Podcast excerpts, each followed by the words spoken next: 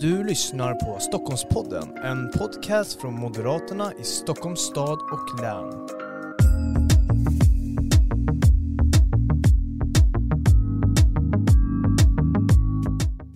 Varmt välkomna till ännu ett avsnitt av Stockholmspodden. Ett mycket speciellt avsnitt eh, skulle jag vilja säga. Igår var det en historisk dag i Sverige. Frågan är då om det här blir ett historiskt avsnitt också. Eh, det är ju så här att det här är ju en podcast från Moderaterna i Stockholms stad och län där vi pratar aktuella brinnande sakfrågor med våra främsta företrädare men också med andra personer från olika positioner i samhället. Men idag så är det ju så här att vi ska prata med ingen mindre än vår partiledare Ulf Kristersson. Varmt välkommen till Stockholmspodden. Tack så mycket. Och eh, vi får väl se, igår var en historisk dag men jag tror att det här också kan bli ett historiskt avsnitt, eller vad tror du? vi har höga förväntningar på Ja. varandra här. Ja. Ja. Ja. Ja Ulf, men eh, någonstans så måste vi ändå börja Mm. och då tänker jag att det är mycket som händer i ditt jobb och så, men jag skulle vilja veta hur en vanlig dag ser ut för dig. En vanlig ledig dag. Mm. Ja men dels är det väl ganska mycket som det var eh, tidigare. Man, en, helt, en helt vanlig trebarnspappa i en vanlig småstad som heter Strängnäs och som lever ett i den bemärkelsen ganska normalt familjeliv eh, med allt vad det innebär. Det tror jag de flesta femmannafamiljer kan känna igen sig i. Och det andra är ju förstås att det finns inga lediga dagar riktigt på det sättet. Utan är man partiledare så i den bemärkelsen jobbar man alltid för det kan alltid hända saker och det bevisar sig då och då. Sen är jag ganska bra på mikropauser så att jag, när jag är ledig då är jag ledig då och sen så vet jag att det kan brytas lite när som helst. Så jag, jag har inga stora problem. Jag är lite som, vi har en hund som är en, en welsh, man brukar säga att den har on och off-knapp knapp. Jag är lite likadan själv, jag är helt på och sen kan jag logga ur rätt ordentligt också under korta ögonblick. Mm. Det här med att hela tiden kanske skilja på, på det privata och det professionella och att kunna stänga av. Hur viktigt skulle du säga att det är i din roll som partiledare? Jo men alltså det privata, måste, alla måste ha ett privatliv och det är verkligen det är privat. Det, det där håller jag ganska styvt. Sen så är, förstår jag att är man partiledare så det är ju ett förtroendeuppdrag man har. Då, klart, då är personen. Så i den bemärkelsen kan man ju liksom, måste man ju kunna leva med att, att man är ens person och ens familj och ens liv är mera i blickfånget förstås. Va? Så det är klart, är man, eh, vill man leva ett väldigt hemligt liv då skulle jag inte rekommendera att bli partiledare. Men man har rätt till ett privatliv, absolut. Mm. Skulle du säga att det här med att kunna balansera eh, det professionella och det privata är en av de stora utmaningarna med att axla din roll eller? Ja, men jag, det är nog lite olika för olika. Jag tycker inte att det där är så komplicerat, ska jag säga. Utan, utan jag är rätt van vid att leva ett liv som är ganska transparent på det sättet. Ehm, eh, Sen det är klart att skulle man vara väldigt blyg och väldigt eh, bara vilja prata om strikt politiska voteringsfrågor och aldrig någonting annat. Det tror jag inte heller fungerar. Det kanske funkade för många år sedan. Eh, Per Albin Hansson hade två familjer parallellt någon gång på, på 30-talet. Det tror jag inte skulle funka idag riktigt. Mm. Men jag tycker inte det där är ett stort... Sen måste man alltid vara lite varsam. Man måste inse att eh, offentligheten är ganska brutal ibland. Man har ett ansvar för en familj eh, som dagligen ska läsa eh, i bästa fall att deras pappa gör ett seriöst jobb, i värsta fall att deras pappa är, är en fähund. det ingår lite grann i jobbet. Mm. Tänker, du har ju varit partiledare under ett tag, sedan 2017 i oktober. Eh, vilka lärdomar skulle du säga du har tagit med dig, kanske de främsta lärdomarna? Ja, de är ganska, de är inte särskilt dramatiska. Den första är ju liksom, var dig själv. Det låter trivialt när man säger det, men alla som försöker förställa sig, gå in i en partiledarroll och det funkar inte. Man måste vara liksom äkta. Det, det finns inga alternativ. Eh, tro på, säg det du tror på och tro på det du säger. Liksom, liksom, försök inte hitta, det är så mycket varm luft i svensk politik. Man bara, folk pladdrar på om saker och ting. Det är inövade talepunkter och sånt där. Jag, jag, jag förstår att man måste vara genomtänkt och man måste bestämma sig innan en intervju vad man vill ha sagt. Självklart. Det är, som en fotbollsspelare måste veta hur tänker jag spela den här matchen. Men det går liksom inte gå in och, och, och tro att man kan hitta på saker. Jag tycker det påminner om den här regeringsbildningen som vi säkert ska prata om en stund. Det går liksom inte, man kan inte bygga det på en lögn. Man kan inte bygga en regering på att man inte vill varandras bästa. Liksom. Man måste vara dig själv, stå upp för vad du tror på, vara beredd att ta stryk för det, säg som det är och gör det du har sagt. Det är ungefär samma regler som gäller för de flesta människor i privatliv. Mm. När jag tänker på det här med att vara partiledare, så det här med stressen, att kunna mm. axla den, både stressen men också pressen eh, eh, som kommer med, med ditt jobb det är många som lyssnar här nu, både medlemmar inom Moderaterna men också väljare eh, som också kanske känner att man vill hitta den här, dels balansen mm. mellan press och stress, men också kunna hantera de här tuffa stunderna kanske i deras yrke eller deras studier och så vidare. Vilka tips skulle du vilja ge, ge till dem? Ja, men därvidlag kanske man kan likna partiledarjobbet vid andra lite speciella jobb.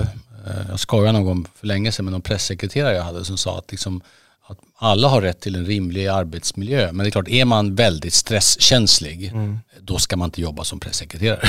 liksom. det, är liksom, det är bara, alla är inte lämpade för alla jobb helt enkelt. Så enkelt är det nog. Så det är klart att är man väldigt eh, oroligt lagd eller väldigt, har extrema kontrollbehov eller om man, om man vill kunna planera i detalj lång tid i förväg, då är inte partiledarjobbet ett Nej. lämpligt jobb. Nej. Men, man, utan men det gäller ju många andra jobb också, många andra krävande jobb. Jag kan tänka mig jobba, ta ett aktuellt, de som jobbar på en akutmottagning. imponerar verkligen på mig, människor som varje sekund ska veta att jag kan vilken sekund som helst få se nästan hur förfärliga saker som helst. Jag vet inte vad jag kommer se, men det kan vara vedervärdigt och jag ska göra mitt absolut bästa för den personen som ligger där, vad som än har hänt det är nog också ett väldigt, sen gör, sen gör de på liv och död ett mycket viktigare insats än vad jag gör. Men det är ett annat, ett annat jobb som jag tror kräver ganska mycket. Det finns många sådana jobb. Mm. Jag tänker också det här med att alltså, vara tvungen att ta modiga val. Eh, det finns ju till exempel de som jobbar på akuten, att ta modiga val när det handlar om liv och död. Men det finns ju också i, inom ditt yrke att ta de här modiga valen. Är det här rätt väg att gå? Ska man avvakta? Är det rätt stund nu? Mm. Man kanske kan likna det lite med börsen, är det, är det köp eller säljläge ja. tänker jag. Men hur tänker du kring där med att ta, ta modiga val? Är det en eh, personfråga? Nej, jag tror ingen föds med det där. Jag, jag, jag tror att så här, medfödd talang tror jag generellt är en mycket överskattad egenskap. De flesta som är duktiga på någonting är det för att de har tränat mycket och skaffat sig lång erfarenhet. Det är det vanliga sättet att bli duktig på någonting. Jag tror att det här gäller att dels att helt enkelt lära sig av framgångar och misstag. Att man hela tiden när någonting går åt skogen, vänta vad, vad var det som gick åt skogen? Vad, vad gjorde jag för fel? Vad missbedömde jag? Och när det går bra, samma sak. Varför gick det här bra? Och hela tiden försöka lära sig av detta. Det andra och kanske ännu mer självklara det är att ha riktigt duktiga medarbetare. Mm. Ibland tycker jag den här mediala bilden av partiledaren som galjonsfiguren eh, jag brukar ibland skoja och säga det är, det är bara partiledare själva som vet att partiledaren är djupt överskattad. Därför att i grund och botten är det, man säger att det är ett lag, men det är ett lagarbete. En partiledare kan aldrig ersätta det jobb som ett, ett helt parti, ett helt lag gör. Det, det vet varje lagkapten i, i, i den svenska EM-truppen också. Mm. Och vi har gått åttondelsfinal idag, det kan man ju mm. vara värt också att säga i den här podden. Eh, men jag tänker också att politiken har ju gjort en resa. Eh, vi har ju under det här föregående året, men vi är fortfarande inne i den coronapandemin. Eh, och eh, jag funderar en hel del på politikens resa, både då och nu och sen de händelserna som har hänt, finanskrisen 2008 och så vidare, hur de har påverkat politiken. Hur skulle du säga att pandemin har påverkat politiken? Det sanna svaret är nog att det är för tidigt att säga mm. skulle jag säga. Om man bara tar fasta på din fråga, att man tar den på den riktigt långa sikten, då tror jag den stora förändringen är att, svensk politik handlar inte längre om ett parti som är solen som alla andra partier måste cirkla kring. Jag tror vi, vi glömmer, sossarna själva glömmer framförallt bort det. Alltså den tiden är förbi. Mm. När de hade mellan 45 och 50 procent. Ibland behövde något parti som kanske hade 5 procent som dörrmatta. Idag är det största partiet 26 procent kanske, det näst största vi är 22 procent. Det är ju inte så pjåkigt men det är Nej. långt ifrån egen majoritet. Så att den där gamla tiden när allt handlar om ett parti, den är borta helt enkelt. Och det kräver att man liksom tar till sig detta. Och då måste man kunna prata med alla till exempel. Det är en sån självklar slutsats för min del. Och förstå att man kommer alltså inte få sin egen vilja igenom. Det är inte på den egna partikongressen eller egna partistämman som landets framtid läggs fast. Fattar man inte det, då kommer man drabbas av sådana saker. Coronakrisen den är nog mer som andra kriser skulle jag säga. Det, det får konsekvenser. Vi, vi, får antagligen konsekvenser för krisberedskap. Hur ska man leda landet i, i extremt hårda påfrestningar? I den meningen kanske det liknar andra kriser som vi har haft. Eh, som kanske var mindre i sin omfattning men som ändå var väldigt svåra. Ta tsunamikatastrofen, bränderna och sådana saker. Va? Hur ska en regering kunna leda med fast hand i riktigt svårt läge? Eh, det är väl en sån slutsats tror jag vi kommer, som vi kommer dra. Och därför är det så bra att vi har en tradition med sådana här kommissioner som granskar tittar igenom vad skötte regeringen bra och vad skötte regeringen dåligt. Ska vi ändra på regelverken efteråt? Det är ju Sverige när vi är som bäst. Vi tänker efter och så gör vi om. Mm.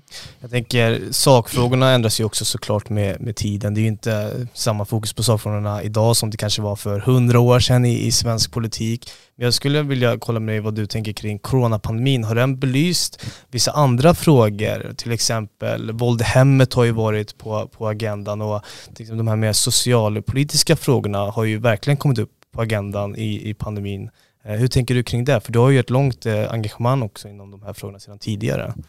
Men jag tycker det är ganska lätt att se att, att när vi, om vi nu kan stänga corona ganska snart, vilket vi alla hoppas men ingen vet, då, då är det lätt att se att några saker har fått rejäla snabba kliv framåt. Alltså digitaliseringen, crash i digitalisering som alla har drabbats av, den kommer vi ha nytta av på sikt tror jag. Omställningen i näringslivet kommer vi ha nytta av på sikt tror jag också. Sen kommer vi också ha lärt oss att eh, när människor inte träffas och inte kan umgås då händer det andra rätt förfärliga saker. Vi ser studieresultat i många skolor som är mycket sämre på grund av utebliven ut, mm. skolundervisning. Vi kommer se väldigt mycket mer av som våld i hemmet när människor liksom inte har någon tillflyktsort längre. Så absolut, det finns det. Sen kan man säga att pandemin tar ingen hänsyn till sånt utan mm. det är sånt som vi själva måste, okej okay, vad gör vi nu då åt detta? Hur blir vi bättre på att upptäcka problem?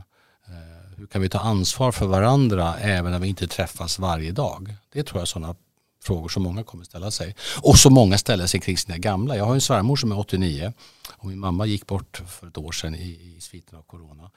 Vi hann ju tänka jättemycket. Hur tar vi hand om våra, om våra egna gamla mammor och pappor i ett läge där vi inte kan träffas? Mm. Skulle du se att de här socialpolitiska frågorna, till exempel psykisk ohälsa och så vidare, glöms bort lite i, i debatten? Uh, för de kanske inte ligger alla människor nära, men vissa människor ligger de här frågorna väldigt nära. Skulle du säga att de glöms bort? Ja, det skulle jag säga. De glöms bort dels, dels för att ganska många tycker att, det inte, att de inte upplever just det problemet. Sen tror jag alla förstår att alla känner med någon som har rätt allvarliga bekymmer.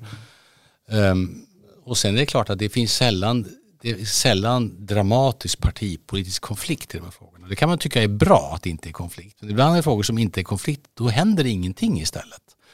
Jag har ju följt i detalj det här fallet Lilla hjärtat. Hon, den flickan som inte ens fick fylla fyra utan som nu fastställde hovrätten igår ett långt straff till den biologiska mamman ehm, när flickan hade, hade dött. Ehm, jag tycker det är en typisk sån sak. Det finns ingen stark partipolitisk konflikt och just därför har det heller inte funnits något engagemang hos ganska många partier. Vi har drivit en enveten kamp för att lagen måste ändras så att barnens intresse skyddas mycket bättre. Och nu har eh, vår ledare i socialutskottet Camilla, hon har nu fått med sig majoritet för detta också. Vi driver bokstavligt talat det jobb som regeringen inte vill göra. Inte för att det egentligen finns konflikt, men bara för att jag vet inte, regeringen har väl annat att tänka på eller liksom har bara inte prioriterat frågorna. Det är ganska många frågor som är av det slaget. Mm. Viktiga men inte i blickfånget hela tiden. Mm. Sakfrågorna förändras ju, samhället förändras. Skulle du säga att det är viktigt att politiken hela tiden är i en ständig förändring och utveckling? Visst om man frågar andra moderater så är det ju så att vi är ju ibland också åt det konservativa hållet att vi ser gärna att samhället kanske utvecklas i långsammare takt. Mm. Men, men hur skulle du säga där?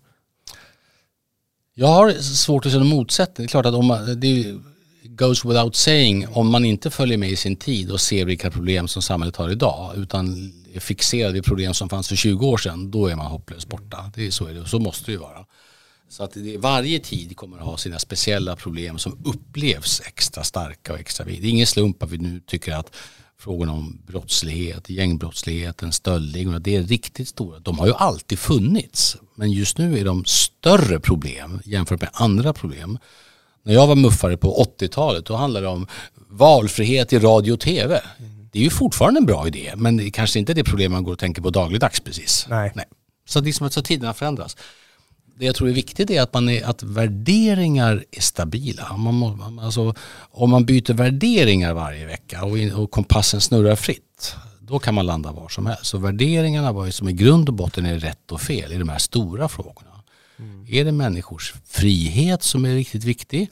Eller är det att människor ska ha det likadant som är riktigt? För att Dagens Industri brukar ha den. Liksom, är det alltid mer jämlikhet eller mer frihet? Här, i, I grund och botten mer frihet. Sen finns det alltid gränser för friheten. Man måste ha värderingarna klart för sig. Inte minst nu när vi har så komplicerat politiskt landskap. Ska man kunna prata med alla partier och lösa praktiska problem, även de som tycker lite annorlunda än man själv gör, då måste man ha liksom, kompassnålen ganska klar för sig. Annars kan man vandra helt vilse. Mm. Tänker vi ska gå in på det här som du säger att det politiska landskapet har ju rört sig om en del. Eh, bara igår så följer Stefan Löfven, eh, statsministern i omröstningen. En historisk dag för Sverige. Hur skulle du säga att det här påverkar Sverige? Vi ska börja där. Det var en livslögn som avslöjades till slut. Det kan hända i de bästa äktenskap, höll jag på att säga. Ehm, nej men det här var oundvikligt. Den här regeringen var dömd att gå under. Antingen för att de genomför sitt avtal med varandra och då skulle de fällas av Vänsterpartiet. Eller för att regeringen inte genomför sitt avtal och då skulle de fällas av Centerpartiet. Så att, jag menar, och så kan man, det var bara en tidsfråga. När ska handgranaten brisera? Så jag tycker det var oseriöst att bygga in en sån där liksom omöjlig ekvation och låtsas som att den skulle fungera. Nu, nu synade Vänsterpartiet bluffen och sa vi har satt att vi kommer inte acceptera detta och kör ni vidare ändå så kommer vi dra undan vårt förtroende för regeringen. Och det var det det här ytterst handlade om. Sakfrågan var i och för sig också viktig men alltså ytterst handlar har vi en regering som vilar på en grund i riksdagen som, som, som, som är hållfast? Och svaret var nej helt enkelt. Så lärdomen är att man kan, inte, man kan liksom inte avtala sig runt grundlagen. Decemberöverenskommelsen var en usel idé. Januariöverenskommelsen var en lika usel idé. Nu ser jag att Miljöpartiet vill byta till en juniöverenskommelse. Jag skulle bestämt avråda från varje sån tanke. Utan alla partier måste räknas. Mm. Jag tänker också att det här påverkar ju politiken och såklart också Moderaterna. Och vi har ju tidigare i, det här, i den här podden också pratat med, med andra företrädare för Moderaterna och vi har alltid diskuterat det här med eh, det politiska spelet versus mm. eh, liksom sakpolitiken. Eh, hur skulle du säga att det här påverkar just det? Blir det mer fokus nu på det politiska spelet och de här viktiga sakfrågorna, lösningarna, eh, hamnar i skuggan? Ja, den risken finns ju alltid. Det finns ju ett väldigt intresse för politiskt spel hela tiden. Det drivs ju ibland av att politiker själva tycker det är spännande och sen tycker många medier att det är spännande också. Men det är klart att den, den risken finns. Men jag tror att, att det som talar emot är att alla förstår att landet behöver ha en regering och regeringen måste ha en huvudinriktning. Så den yttersta frågan kommer att vara vilken sorts regering har en chans att driva Sverige i rätt riktning? Mm. Där tror jag fokus kommer att ligga. Och sen kommer de partier som uh, har låst in sig med massa villkor, de kommer tvingas bestämma sig helt enkelt. Mm. Hur eh, påverkar det här Moderaterna då? då? Vi, det kommer ju ske ett val nästa år oavsett vad. Eh, man ska nu, vi vet ju inte vad som kommer hända om det blir talmansrundor eller om man utlyser ett extraval. Men hur påverkar det här Moderaterna? Just nu väntar vi. Nu är det Stefan Löfven som måste bestämma sig för om han vill ha ett extraval eller inte. Det är bara statsministern som kan fatta det beslutet. Eh, så blir det extraval då blir det för att Socialdemokraterna vill ha det. Vill de inte ha det så blir det inte det. Så, att så där väntar vi helt enkelt. Och sen så om, eh, om det går tillbaka till talmannen då kommer vi prata, vem kan bilda ny regering helt enkelt. Ja, precis. Och vi får väl se liksom om det läggs nu på politiken eller om det blir det politiska spelet. Men oavsett vad så står vi moderater såklart redo eh, för ett extraval men också för det kommande valet. Och det kommer ju ske ett val nästa år oavsett vad. Precis, och det, och det talar ju kanske emot att det blir ett extraval nu. Men så antingen ska man vara redo om ett, om ett år eller redo om tre månader. Så mm. vi är redo för båda så att, mm. så att vi inväntar bara det beslutet. Jag tänker inför valet nästa år också, det är ju ett viktigt val. Eh, vi måste ju byta regeringen, eh, eller vi måste ha en, tillsatt en borgerlig regering då med dig som statsminister. Vilka utmaningar tycker du att vi moderater kommer ställas inför under valet 2022? Ja, kanske den stora frågan kanske inte vilka utmaningar som vi ställs utan vilka står Sverige inför. Mm. Tror jag. Då, jag tror vi ser ganska tydligt idag vilka frågor det kommer handla om. Det kommer absolut handla om kriminaliteten. Att ha en helt annan politik mot allt ifrån den grova brottsligheten, eh, mäns våld mot kvinnor, stöldligor, rån mot barn. Det här är en huvudfråga. Det där sliter sönder Sverige just nu. Det kommer definitivt handla om eh, invandringspolitiken. Mm. Imorgon en, Nej, idag är Idag är riksdagen det. tänkt att rösta om vi ska öka eller minska invandringen. Det kan liksom inte ställas tydligare än så. Det kommer handla om integrationen och därmed också om hela arbetslinjen. Att arbeta, leva på bidrag. De här, de, plus många andra frågor förstås. Det kommer absolut handla om skola, det kommer handla om klimatpolitik, det kommer handla om många andra saker också. Men jag tror att det ska väldigt mycket till för att det inte är de frågor som jag nu har nämnt. Att det är där som valet kommer kretsa kring. Plus förstås då, vem kan bilda en regering som får någonting gjort? Och där tror jag ganska många väljare, ironiskt nog, är lika intresserade av att få någonting gjort. De fattar, det kommer ändå inte bli exakt som de själva vill. Ingen får sin vilja igenom. Då vill man ha en regering som kan få någonting gjort. Och jag tror att vi har mycket, mycket bättre förutsättningar att kunna få någonting gjort eftersom vi kan kompromissa med alla partier eftersom vi vet vilken riktning vi själva vill gå i. Mm. Vi har ju tidigare i den här podden tagit upp ett citat eh, och det är ju att, eh, jag tänker se det, att våra motståndare är inte de andra politiska partierna utan samhällsproblemen. Det här är ju ett gammalt citat, det var nämligen Mikael Sandström som sa det när han var med här, som han, det var hans största lärdom Mm. från, från Reinfeldt-eran. Hur viktigt skulle du säga att det här citatet är inför valet 2022? Ja, men jag tycker det är, det är en av många, jag hade förmånen att sitta i, i den regeringen, Fredriks andra regering. Jag tycker det är en av många lärdomar, det var liksom att fokusera på samhällsproblemen. Fokusera inte på vad andra partier tycker och tänker. Förr i tiden var ju lärdomen, fokusera inte på vad Socialdemokraterna tycker om. Nu ska jag säga, fokusera inte på vad Sverigedemokraterna tycker om allting. När vi tycker lika, jättebra, då gör vi lika. Tycker vi olika, okej, då säger vi att vi tycker olika. Liksom, säg som det är. Ja. Det är liksom enklare. Jag tänker just på det här temat med, med det här citatet. Du har ju varit med i några valrörelser, får man ju ändå att säga. Eh, Kan man ta med sig något från de tidigare valrörelserna inför valet 2022? Lärdomar och så vidare. Det kan man alltid göra och, sen tror man, och så blir man lika förvånad varje gång för varje valrörelse ändå är helt unik. Va? Men en lärdom är så här, man, det parti som inte pratar om de frågorna som väljarna tycker är viktiga, det parti kommer förlora. Alltså, det är så enkelt det är det. Man kan ha egna favoritfrågor, man kan ha frågor som man tycker är lite jobbiga. Men om man inte är beredd att prata om det som väljarna vill ha svar på, då är man körd. Så enkelt är det. Det har nästan alla partier någon gång fått smaka på. Så det är en sån sak. Det andra är att man måste ha vänner i politiken. Eh, Man måste inte vara överens om allt, men man måste ha vänner som vill gå i ungefär samma riktning. Man måste kunna prata både med vänner och motståndare. För ibland uppstår det oväntade situationer. Som när vi bestämde oss för att köra över regeringen tillsammans med Vänsterpartiet. Då måste man kunna ha en, ett vettigt samtal. Då kan man inte förolämpa varandra gång på gång. Så man inte ens har varandras telefonnummer. Utan då måste man kunna prata med varandra. Det är väl några sådana lärdomar tycker jag. Och sen är väl en annan lärdom att eh, Socialdemokraterna de älskar ju smutskastningskampanjer. Det kommer de göra den här gången också. Så att, det finns det där berömda citatet när, från eh, Michelle Obama. When they go low, we go high. When they go low, we go policy. Då pratar vi sakpolitik. Vad är problemen? Vad är lösningarna? Hur skulle man kunna få lösningar på plats? Där tror jag vi kommer vara. Jag tänker ta fasta på det här som du pratade om med, med vänner och, och allianser. Det är ju så här att det, ja, det är ju nationella nivån, sen är det ju regionnivån och sen är det också eh, kommunnivån och alla de här tre går ju till val nu under 2022. Men hur viktigt eh, är det att vi moderater värnar våra vänner och allianser oavsett vad som händer på riksnivån? Det speglar ju sig oftast inte. Jätteviktigt. Och det, det predikar vi nästan varje gång vi träffar alla våra kommunalråd och regionråd. Att, att intressera er gärna vad som händer nationellt och det är bra att ni liksom eh, bidrar med, med stöd och goda råd och så. Men förvalta era egna lokala majoriteter.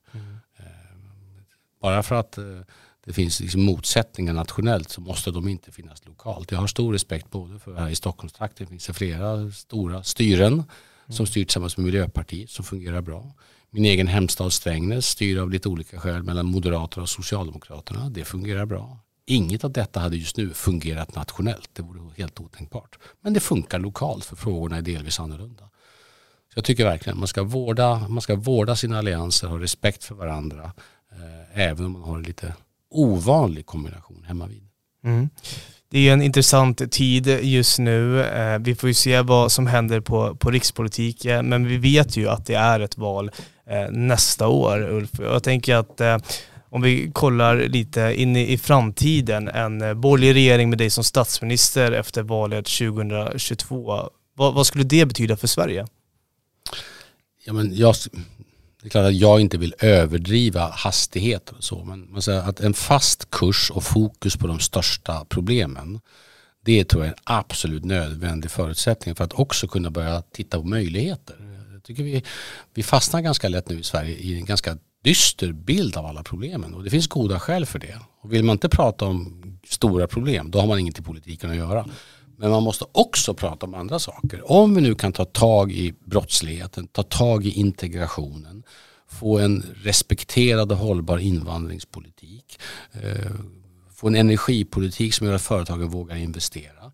Då skulle vi också börja titta på riktigt spännande långsiktiga utmaningar som verkligen är utmaningar. Inte utmaningar som egentligen är problem utan sånt som är spännande. Hur ska vi liksom bli en riktigt attraktiv plats för framtidens digitala och elektrifierade företag i Sverige? Vad, vad, vad saknar vi för att bli bäst i världen på detta? Mm. Hur ser vi till att en sjukvård som är riktigt bra för allvarliga, sjuk, allvarliga sjukdomar också blir brett respekterad för sin tillgänglighet och sin, liksom, sin goda service så att alla får tillgång till den också. Alltså sånt som inte bara är bekymmersamt, sånt som är spännande frågor. Jag tycker vi pratar ganska lite om det idag i Sverige för vi är så upptagna med att det är så mycket som inte funkar alls. Och det tycker jag är tråkigt för jag skulle gärna vilja att vi kom, kom tillbaka till en anda av framtidsoptimism och såg att här har vi goda möjligheter att bygga något helt unikt bra i vårt land. Inte bara undvika en katastrof. Så att säga. Men allt har sin tid och sin ordning. Ta tag i problemen först och ta fasta på möjligheterna därefter. Och där tror jag vi kommer ligga ganska tungt i i nästa val. Sen tror jag man ska vara det tar tid. Jag siktar ju på att vi har, vi ska vinna valet 22 senast, eller valet senast. tre månader. Exakt. valet 22. Och sen räknar min planeringshorisont är ungefär tio år. Så två mandatperioder måste man tänka om man ska få genomslag för ordentliga reformer. Mm. Så jag tänker 20-talet tänker jag på. Det nya, i bästa fall glada 20-talet. Mm. Som om hundra år ska beskrivas som ett nytt sånt här fantastiskt decennium när Sverige gick in i en blomstrande tid, löste svåra problem, hade en konstruktiv anda till varandra mm. och fick en samhällsoptimism helt enkelt. Mm. Det vore kul. Mm, det vore kul och jag brukar alltid fråga den här frågan till till exempel Irene Svenonius, vårt eh, eh, finansregionråd som är, eller Anna-Karin Hjelmo, vårt finansborgarråd, om de är oroliga för framtiden. Eh, det är ju mycket som händer i, i världen, pandemi till exempel och så vidare. Många saker, när man pratar med sina vänner eller nära och kära så finns en viss oro eh, hos dem. Skulle du säga att du är orolig för framtiden? Nej, jag drivs i grund och botten inte av oro, det gör jag inte. Eh Nej, så jag är i grunden inte orolig för framtiden. Men har man sagt det måste man säga, men jag är inte naiv. Mm. Alltså den här tron som ibland finns i Sverige att äh, det löser sig på något sätt. Alltså det är ingen naturlag att det går åt helvete. Men det är heller ingen naturlag att alltid Sverige landar på fötterna. Mm. Det kan gå illa. Alltså om det går bra eller dåligt, det beror på vad vi gör i mycket hög grad. Jag, är, jag tror alltså att det vi gör idag, det spelar roll på riktigt. Så vi, vi har verkligen makten i våra egna händer. Så jag är inte orolig men det kräver att man gör saker för att det ska bli bra. Mm. Ulf, vi går nu in för landning eh, under det här poddavsnittet och eh, det vankas ju midsommar nu här på, på fredag och också en sommar, en förhoppningsvis varm sådan. Det är väldigt varmt idag. Mm. Eh, jag tänker att du ska få göra några avslutande ord här och liksom wrap it up det här poddavsnittet. Vad vill du säga till väljarna, de moderata medlemmarna, de moderata förtroendevalda som lyssnar på det här? Ja, just nu vill jag säga is i magen. Is i magen. Nu har den här regeringen avslöjats. Nu tar vi det lugnt. Vi vet vad vi vill. Vi tar en sak i taget. Det tycker jag bara. Is i magen. Det andra är, jag vill tacka för otroligt mycket glada tillrop, eh, användbara tips, goda råd. Jag får väldigt mycket löpande. Jag hinner inte svara på allt men jag får det mycket och jag är ganska lyhörd så jag är väldigt tacksam för det. Jag känner verkligen att vi har en, vi är en vi är ett parti som har i god balans, ett parti som vet vad vi vill, ett parti som har hittat en, en roll som samlingspartiet i svensk politik. Så det, och jag får väldigt mycket feedback på det och det uppskattar jag verkligen. Sen är jag den första att inse att det är verkligen lagarbetet som är, som är grunden för detta. Men jag har just nu förmånen att få leda det laget. Mm. Stort tack Ulf Kristersson, partiledare för Moderaterna, för att du valde att komma till Stockholmspodden. Jag vill också säga stort tack även till dig som har lyssnat på det här avsnittet och vi kommer ju såklart fortsätta eh, släppa avsnitt här mot eh, juli så det gäller att hålla utkik och öron öppna. Eh, men med det sagt så vill jag såklart hälsa er en, eller önska er en glad midsommar och även stort tack till dig Ulf och glad midsommar till dig med. Tack detsamma, tack.